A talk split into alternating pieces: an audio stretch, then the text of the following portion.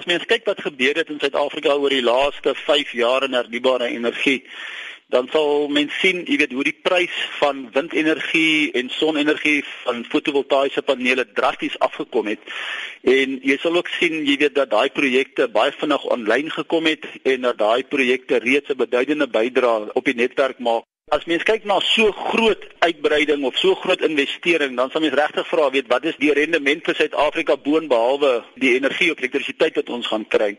En van die hernubare energie kant af, ek meen ons nou lank op die rekord dat ons dink dat ons na die gekonsentreerde sonkragsentrale moet kyk.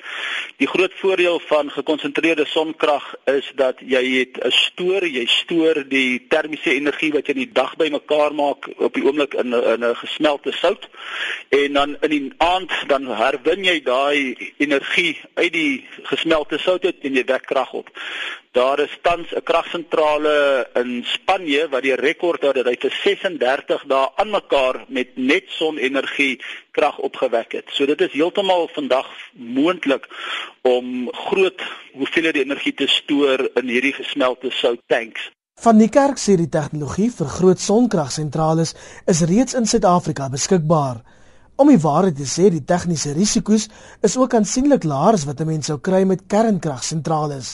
Een van die groot bekommernisse wat mense sou hê met 'n kernkragsentrale in terme van ekonomiese ontwikkeling in die land is dat dit vat baie jare vir verskaffers en vervaardigers om hulle self te laat sertifiseer om aan die kernindustrie produkte te lewer en dit gaan enige ekonomiese voordeel wat daai maatskappye gaan kry nog uitstel vir baie baie jare en die mense het nie daai selfe uitdaging aan die hernubare energie kant nie.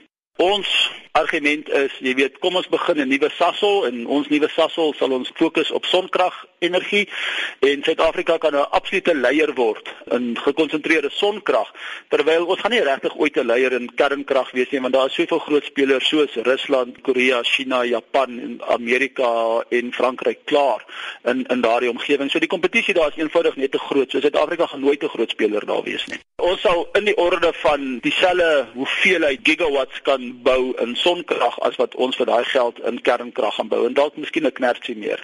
Hy glo dit is hopeloos te laat vir Suid-Afrika om nou soveel fokus op kernkragsentrale te plaas. Die enigste ander opsie, sê hy, is hernubare energiekragsentrale. Die regering het die besluite om eerstens Medupi en Kusile te laat bou en nou om die kragsentrale te bou hopeloos te lank laat draai. En op die oomblik sit ons met 'n groot tekort aan elektrisiteitsopwekking in die volgende 5 na 10 jaar. Baie van Eskom of eintlik die meeste van Eskom se groot bestaande steenkoolkragsentrale gaan uit diens gestel word in die volgende 5 na 10 jaar. Dit is eintlik reeds te laat om nou 'n kernkragsentrale te bou om ons huidige behoeftes te voldoen. As ons nou kern kragsentrale bou dan gaan ons hulle bou om aan ons behoeftes 10 en 15 jaar vanaand te voldoen en daarom is dit miskien nie heeltemal 'n dom idee om dit te doen nie. Maar daar is eintlik nou net een opsie oor vir Suid-Afrika in terme van elektrisiteitsvoorsiening en dit is om te kyk na hernubare energiekragsentrale soos windplase, sonkrag sentrales en natuurlik dan gerugsteun met um, gaskragsentrale.